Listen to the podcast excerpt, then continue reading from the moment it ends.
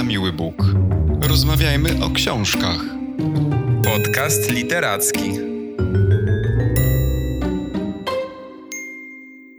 Cześć, dzień dobry, witajcie w kolejnym odcinku naszego podcastu. Dzisiaj mieliśmy rozmawiać o zupełnie, zupełnie innej książce. Mieliśmy mówić o tym, jak powstaje literatura, ale w wyniku sytuacji, jaka zaistniała w Ukrainie, w wyniku agresji, którą Rosja zastosowała wobec Ukrainy, sięgnęliśmy po zupełnie inny tytuł.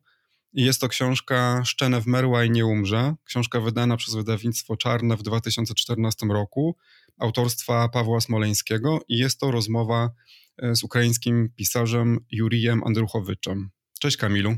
Cześć Maćku. Tak jak powiedziałeś, zmieniliśmy nasze plany, bo trudno jest nam e, podejmować i skupiać się na tematach innych niż to, co teraz wypełnia codzienność całej Europy w zasadzie.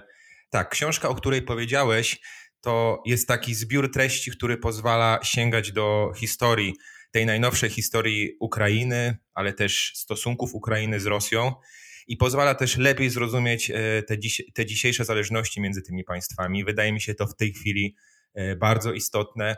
Śledząc codziennie e, newsy w telewizji, w internecie możemy pewnych rzeczy nie rozumieć od natłoku i też od występowania fake newsów, które się pojawiają. Warto więc też taką wiedzę podstawową o relacjach geopolitycznych tych dwóch krajów posiąść. No ale przechodząc do rzeczy. Juri Andruchowicz to jest wybitny ukraiński poeta, ale też prozaik, piosenkarz, eseista, tłumacz. W Polsce wydano y, wiele jego powieści już do tej pory, między innymi najpopularniejsza Moskowiada, powieść grozy, ale też 12 kręgów, Tajemnica, Moja Europa i eseje o E, Europie Środkowej. To jest taki jeden z najbardziej e, popularnych w Polsce i w Europie twórców ukraińskich e, z zakresu literatury. Warto też dodać, że dostał on nagrodę Angelusa jako pierwszy w historii przyznawania tej nagrody, czyli Nagrody Europy Środkowej. Jest to specjalista od Ukrainy, specjalista od swojego kraju i w teorii, i w praktyce można powiedzieć, bo brał on udział w Euromajdanie, o czym zaraz y, opowiemy. Przeżył rządy kolejnych prezydentów ukraińskich, Krawczuka, Kuczmy, Juszczenki i tak dalej, e, ale zna też Rosję. Mm, zna też Rosję, zna też stosunek Rosji do Ukrainy. W Rosji też studiował, o czym pisze e, Paweł Smoleński, przeprowadzając z nim wywiad. I przechodząc teraz właśnie tak płynnie do Pawła Smoleńskiego, który jest autorem tej książki, to jest polski dziennikarz i reporter. On przeprowadza y, w książce wywiad z Jurijem Andruchowiczem, wywiad rzekę. Y, Paweł Smoleński mm, specjalizuje się w geopolityce właśnie, takiej międzynarodowej, dotyka konfliktów między państwami, y, specjalizuje się właśnie w tych ukraińskich klimatach, ale też sięga po, po tematy izraelsko-palestyńskie i tematy na Bliskim Wschodzie. Także y, jest to postać bardzo doświadczona, z bardzo dużym dorobkiem też pisarskim. Y, I co ważne, otrzymał też on Nagrodę Pojednania Polsko-Ukraińskiego. To w, dzisiejszy, w kontekście dzisiejszej rozmowy jest bardzo ważne. Y, było to w 2003 roku za książkę Pochówek dla Rezuna. Tak, tak jak wspomniałeś, książka jest zapisem rozmowy obu tych panów, chociaż chyba więcej mówi Andruchowicz niż Smoleński. Natomiast ta rozmowa jest niezwykle ciekawa. To trzeba podkreślić na samym początku. I pamiętam, że jak zaproponowałeś mi tę książkę i ja zobaczyłem, że ona jest z 2014, to pamiętam, że zacząłem sprawdzać, czy są może jakieś inne tytuły, może jest coś nowszego, coś bardziej aktualnego, bo to jednak jest 8 lat. I myślałem, że być może nie wystarczy to, aby zrozumieć to, co się właśnie teraz dzieje w Ukrainie. A tymczasem to jest to, co najbardziej mnie zaskoczyło w tej książce, czyli właśnie fakt, że ona powstała 8 lat temu, a jest mnóstwo analogii, które można zastosować do dzisiejszych czasów. Ona jest po prostu niezwykle aktualna. Chciałbym, żeby od strony ukraińskiej ona była mniej aktualna E, niż od e, rosyjskiej. E, chodzi mi tutaj głównie o klasę polityczną, która w tej książce jest pokazana, o klasę polityczną Ukrainy. Wszystko na to wskazuje, że jednak w ciągu ostatnich lat zmieniła się, nie jest taka jak kiedyś, natomiast od strony rosyjskiej właściwie nie zmieniło się nic. I jak czyta się tę książkę, to ma się wrażenie, że ona powstała zupełnie niedawno, że panowie rozmawiali przed chwilą i to zostało spisane i wydane na prędce. To prawda. Zdecydowanie ta książka pomogła mi zrozumieć pewne sprawy. I teraz, kiedy oglądam doniesienia z obecnej sytuacji w Ukrainie, to y, rozumiem więcej. Po prostu jestem w stanie wyobrazić sobie, jakie są ambicje i jakie są e, dążenia poszczególnych krajów. E, ta książka jest też, nie wiem Maćku, czy się ze mną zgodzisz, całkiem sprawnie podzielona na trzy takie duże tematy. Pierwszy temat dotyczy Majdanu, drugi dotyczy najnowszej historii Ukrainy i tego, jak ta Ukraina kształtowała się po odzyskaniu niepodległości w 1991 roku. I ostatni y, duży temat tego wywiadu to jest stosunek Europy, świata y, właśnie do Ukrainy. Tak, ten pierwszy rozdział e, jest niezwykle interesujący. On opowiada o Euromajdanie, który rozegrał się właściwie na przełomie lat 2013-14. To właściwie był drugi Majdan tej współczesnej historii Ukrainy, e, tak zwany właśnie Euromajdan, związany z, z, z tym, że Janukowycz w ostatniej chwili wycofał się z podpisania umowy, która była taką umową stowarzyszeniową z Unią Europejską. Powiem Ci, że ten Euromajdan i wartości, o które wówczas walczono, jest chyba największym symbolem konfliktu między Rosją i Ukrainą, a w efekcie tej wojny, z którą mamy do czynienia teraz. I to jest symbol konfliktu, który przed tą wojną już gdzieś tam funkcjonował. Wszystko bowiem krąży wokół tego, czy Ukraina powinna być proeuropejska i prorosyjska. Ukraina i jej obywatele, oczywiście oni mogą chcieć być proeuropejscy, tylko problem polega na tym, że Rosja nigdy się na to nie zgodzi. I to, co rozegrało się wtedy na Euromajdanie, z jednej strony e, obywatele ukraińscy, którzy przychodzą, demonstrują, sprzeciwiają się władzy, no i właśnie władza w postaci Janukowycza, czyli osoby, która jest ściśle związana z Rosją, e, kogoś, kto pochodzi z Donbasu, no, no to właśnie mam takie wrażenie, że wtedy gdzieś uformował się ten cały konflikt, który dzisiaj e, zakończył się wojną. Nie wiem, jakie ty masz odczucia na ten temat. Na pewno była to jedna z odsłon tych, tych, tych bardzo napiętych zależności y, Ukrainy od Rosji, która też właśnie tworzyła się przez kolejne kadencje prorosyjskich prezydentów y, w Ukrainie. Natomiast chcę powiedzieć, że ten rozdział Euromajdanie pokazał mi jednak coś takiego, że Ukraińcy to jest naród, który jest bardzo daleki od typowego homo sovieticus. Ukraińcy mają ducha, mają ducha wolności, nie chcą być zależni i ich kierunek patrzenia to jest Europa Zachodnia. I zarówno pomarańczowa rewolucja, y, a później właśnie Euromajdan bardzo to pokazały. Pokazały tą różnicę w tym, że Ukraińcy nie chcą iść ślepo za Moskwą, jak na przykład część Białorusinów. Motywują ich bardzo konkretne chęci bycia uznanymi za Europę i, i życia jak w Europie. Y, I to jest dla mnie taki element Euromajdan, który tworzy tożsamość Ukraińców. Y, kraj, który jest niepodległy od 1991, być może nie ma w swojej najnowszej historii wielu takich wydarzeń, ale ma właśnie te dwa, które mówią o jego, o, jej, o tożsamości tego narodu. Tak, wiesz co, jest taki jeden moment, który chyba najbardziej mnie wzruszył w tej książce, może zacytuję. Ukraińcy, choć są poza wspólnotą, wierzą w Unię, w jej zasady, ale też większość Ukraińców ma poczucie niedocenienia przez Europę, bo i nie pomogliście nam tak, jak powinniście, nie postawiliście się Rosji. Lecz ci sami ludzie, którzy mają do was pretensje, nie żałują ani sekundy, że poszli za Unię na barykady nabyliśmy świadomość, czym jest i czym może być Europa. Przecież Majdan ukonstytuował się nie po to, by przyjąć europejskie regulacje hodowania ogórków. Ludzie nie ginęli za kwity europejskich biurokratów, ale za symbole, za wartości. To Ukraina zagrała całą talią kart, wabank, upomniała się o fundamenty europejskości. I to było w 2014, a mam wrażenie, że czytam coś, co dotyczy tego, co dzieje się właśnie teraz. Że faktycznie Ukraina no, zawsze gdzieś tam zerkała w stronę Europy. Inna sprawa, czy Europa zerkała w stronę Ukrainy. Tak, tego dotyczy też y, trzecia część tego wywiadu y, i o niej też na pewno powiemy. Jeszcze tylko chciałbym powiedzieć o tym, co w tym kontekście Majdanu nie wiem, czy mnie zaskoczyło. Chyba bym powiedział, że zasmuciło, bo oczywiście mógłbym powiedzieć, że zdziwiło mnie to, w jaki sposób władza spacyfikowała Euromajdan. Z jednej strony powinno to dziwić, bo jednak e, to był rok 2014, mimo wszystko kraj europejski, przynajmniej geograficznie, bo mentalnie, zwłaszcza, zwłaszcza właśnie na, na tym poziomie władzy, było z tym bardzo różnie.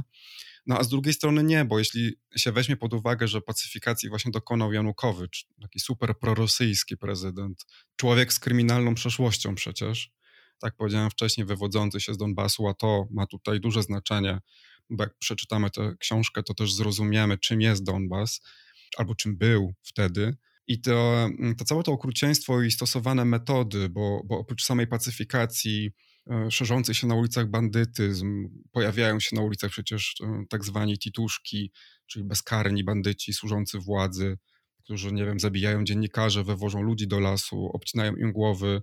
Jak to czytałem, to przypominało mi to najmroczniejsze lata stalinizmu, a cały czas z tyłu głowy miałem to, że, mu, że ta rozmowa dotyczyła Ukrainy 2014. Dla mnie to było naprawdę porażające i to jest może to, o czym ty mówisz, że Ukraina zawsze patrzyła w stronę Europy, bo Ukraińcy wyznają wartości humanistyczne, takie europejskie, liberalne, wolnościowe.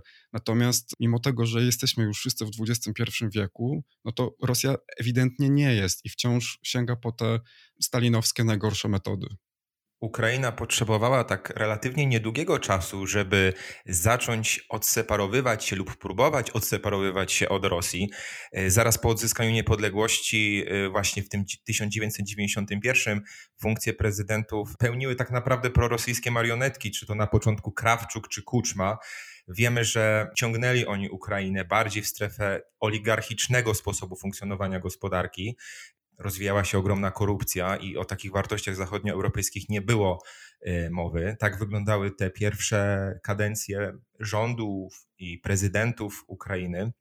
I tam pada takie y, też y, stwierdzenie w tej książce, które bardzo koresponduje z tą retoryką Putina teraz. Mówię o, o tym nazizmie, który jest jakby takim argumentem Putina w sprawie agresji w Ukrainie.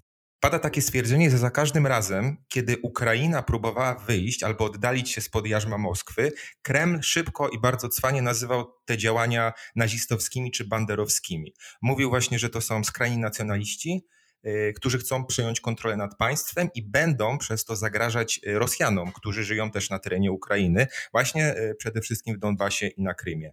I każda taka próba uniezależnienia się przez te lata, przez te kadencje prezydentów ukraińskich, y, odseparowania się od rosyjskich wpływów, kończyła się takim komentarzem rosyjskich władz, który też szedł do Unii Europejskiej i często Unia Europejska czy kraje Zachodu y, podejmowały ten argument, y, bały się Ukrainy, która miałaby się odrodzić jako zupełnie niezależne, nacjonalistyczne państwo, co oczywiście było stekiem bzdur. I bardzo kojarzy mi się to dziś z tym, co mówi Putin. Wchodzę na Ukrainę, dlatego że tam nacjonaliści ukraińscy nie pozwalają żyć Rosjanom i zagrażają ich suwerenności. Jak się porówna dzisiejszy język rosyjskiej propagandy z językiem edyktów carycy Katarzyny, na to zwraca też Andruchowicz, to to jest to samo. Caryca Katarzyna też zajęła Krym i jak wtedy objaśniał jej dwór, Zrobiono to po to, aby przynieść wolność ludowi jęczącemu pod batem e, Hanów, teraz cytuję Andruchowycza. Katarzyna miała tam zaszczepić wartości oświeceniowe, miała znieść e, feudalną despotię i teraz właśnie właściwie to samo. E, minęło kilkaset lat, a Rosja nadal posługuje się tym samym schematem. Stosuje taką samą e, propagandę. Zresztą ta propaganda odgrywała zawsze i, i w Rosji, i w Ukrainie rządzonej pod wpływami Rosji bardzo dużą rolę. Preparowano fakty, kontrolowano media i nagle informowano o jakichś ekstremistycznych podziemnych grupach, nagle ktoś tam miał broń, tą bronią chciał wywrócić cały porządek na Ukrainie, w związku z tym trzeba było wejść i rozpocząć represję.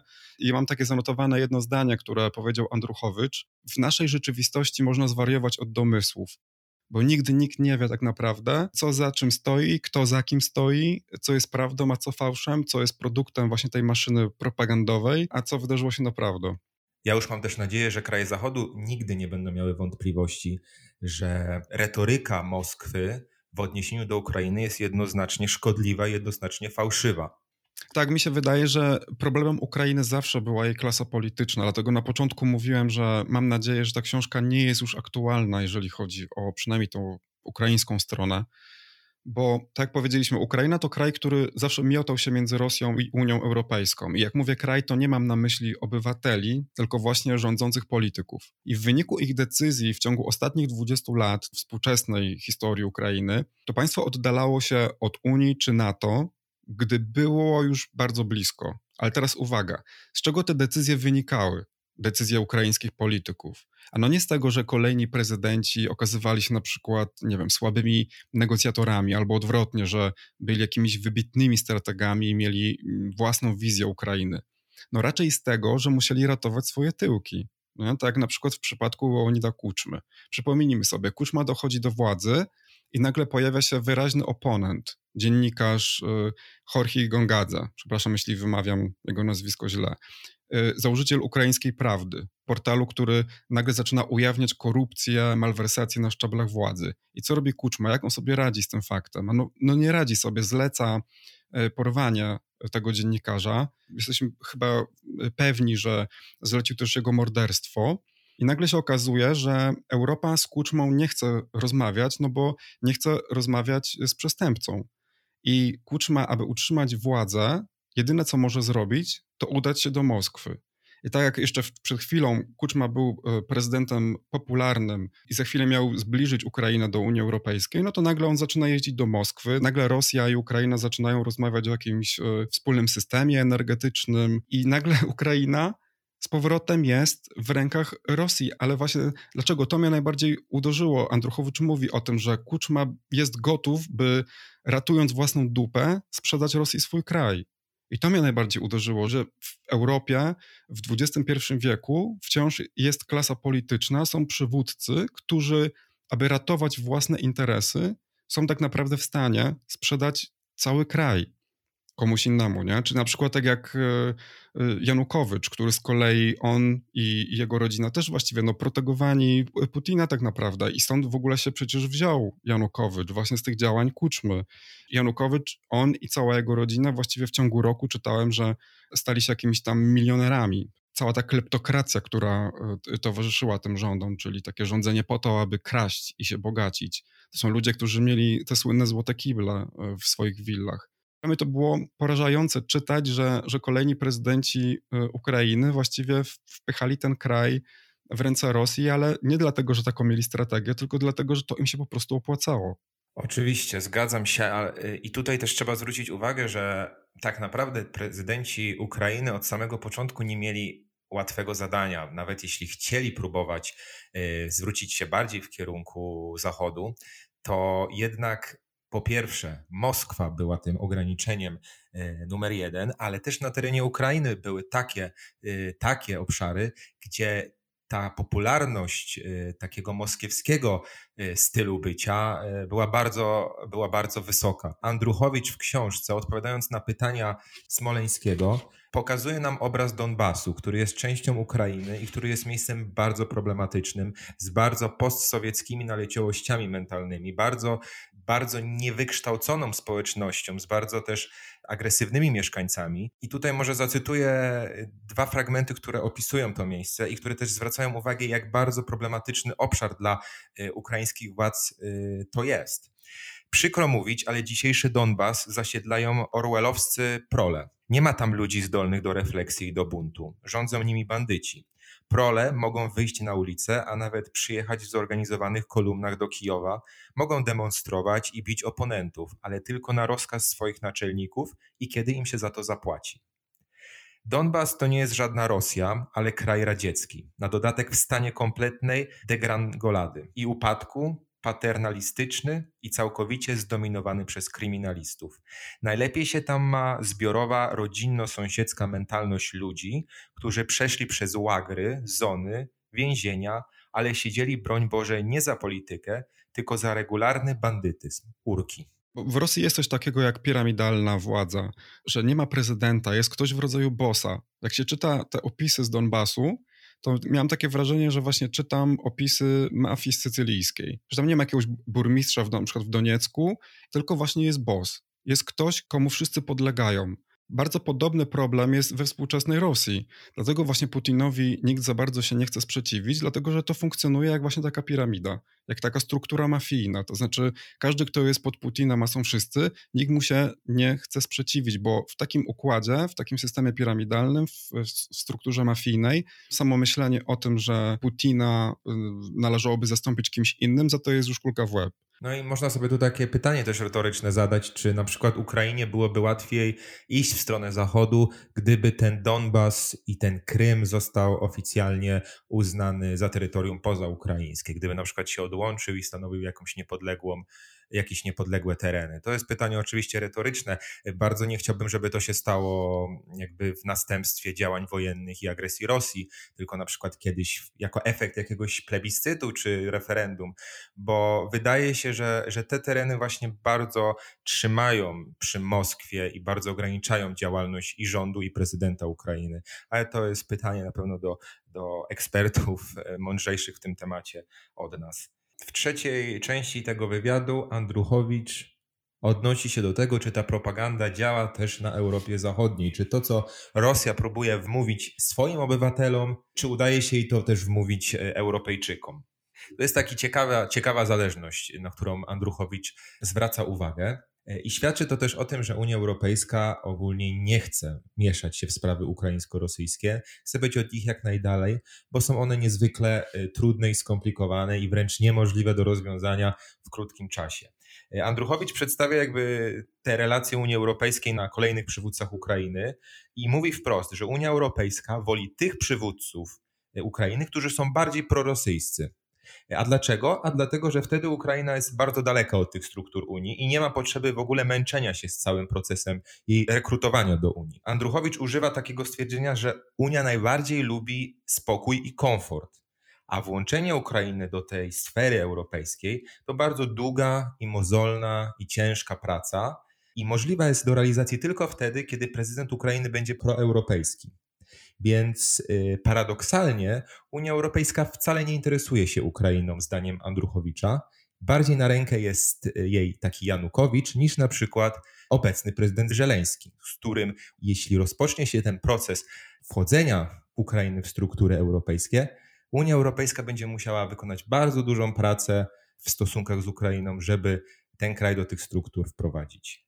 Tak, też na to zwróciłem uwagę można mówić chyba o jakimś paradoksie takim europejsko-ukraińskim, że właśnie dopóki y, Ukraina nie chce wejść do Unii Europejskiej, bo tak mówi na przykład jej prezydent, jest właśnie prezydent prorosyjski, to Unia Europejska jest ok. Jej zdanie zmienia się wtedy, kiedy czuje zagrożenie ze strony y, Rosji. Ale myślę, że w tej książce też czuć taki żal Andruchowicza, że Europa nie pomogła w 2014 roku. I myślę, że, e, że Europa też to wie, że nie pomogła. I teraz się próbuje rehabilitować, bo ja się bardzo cieszę, że Europa nagle okazała się silna, mm, że nie powtórzyła tych błędów popełnionych przy okazji aneksji Krymu. I był oczywiście taki moment zawahania, na przykład gdy Niemcy powiedzieli, że odcięcie Rosji od systemu SWIFT nie jest możliwe.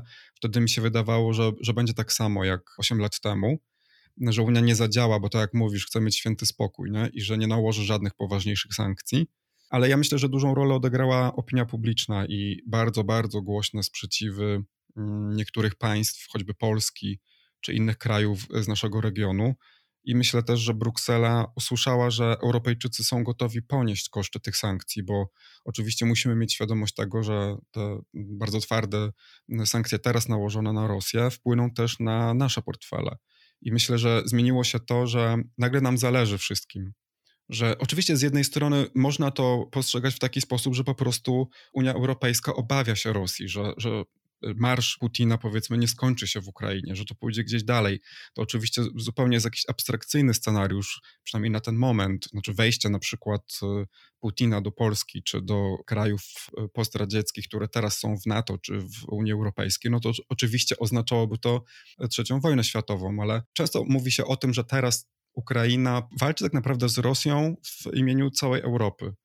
E, więc z jednej strony, ok, może Europa czuje się zagrożona i dlatego tak pomaga Ukrainie, ale ja bym chciał wierzyć, że jednak dojrzeliśmy jako kontynent do takiego momentu, w którym jesteśmy w stanie zapłacić e, pewną cenę za brak milczenia. Już dość. Ileż można udawać, że nic się nie dzieje. Podnośmy głos, mówmy o tym, co się dzieje w Ukrainie, pomagajmy, nagłaśniajmy to i nawet jeżeli będziemy musieli zapłacić y, jakąś cenę to ją zapłacimy, bo, bo tak po prostu trzeba. Tak, tą ceną może być na przykład jakiś e, dłuższy lub krótszy brak komfortu, umiejętność zrezygnowania z pewnych udogodnień, e, takich materialnych, codziennych, która to jednak rezygnacja pozwoli na wprowadzenie pewnych zmian na stałe, zmian e, w porządku Europy, zmian w stosunkach między Europą a Rosją, uniezależnienie się od, od niej. To będzie nas wszystkich kosztowało. Ale zadajmy sobie pytanie, czy w tej krótkiej perspektywie, kiedy będziemy odczuwać te konsekwencje, ten mniejszy komfort, czy w rezultacie nie da to nam i przyszłym pokoleniom dłuższego spokoju. Myślę, że odpowiedź jest jasna i mam nadzieję, że jakby my wszyscy też jesteśmy na tyle dojrzali, by, by stanąć właśnie w takiej pozycji i z takim nastawieniem do tej sprawy. Ja zachęcam Maćku wszystkich do przeczytania tego wywiadu Szczenew Merła i nie umrze, rozmowy z Jurijem Andruchowiczem, bo w tej sytuacji warto wiedzieć więcej i mieć większą świadomość na tematy dotyczące tego regionu, Europy Środkowo-Wschodniej, ale też y, zależności, które mogą wpływać na losy tak naprawdę całego świata. Tak, ja dołączam się do tego apelu. Zdecydowanie polecamy tę książkę. Ja wiem, że ona jest stara i być może trudno ją znaleźć. My ją gdzieś tam wygrzebaliśmy jeszcze w outlecie. Natomiast jeżeli uda Wam się ją znaleźć, to kupcie ją i przeczytajcie, bo y, ona otwiera oczy i pozwala zrozumieć to, co się działo. I też myślę, że ona taką literacką ma wartość bo Andruchowicz jest y, artystą, mm, jest pisarzem, a więc jest kimś, kto potrafi opowiadać. I ta książka nie jest nudną lekcją historii, tylko naprawdę czyta się to z zapartym tchem, bo Andruchowicz y, potrafi zaciekawić czytelnika i mówi w sposób niezwykle interesujący, wciągający. Nie ma chyba lepszego sposobu na, na poznawanie historii niż właśnie w taki sposób. Kamilu, dziękuję Ci za dzisiejszą rozmowę, e, a my słyszymy się za dwa tygodnie. Dzięki Maćku, do usłyszenia. Do usłyszenia. Na miły Bóg. Rozmawiajmy o książkach. Podcast literacki.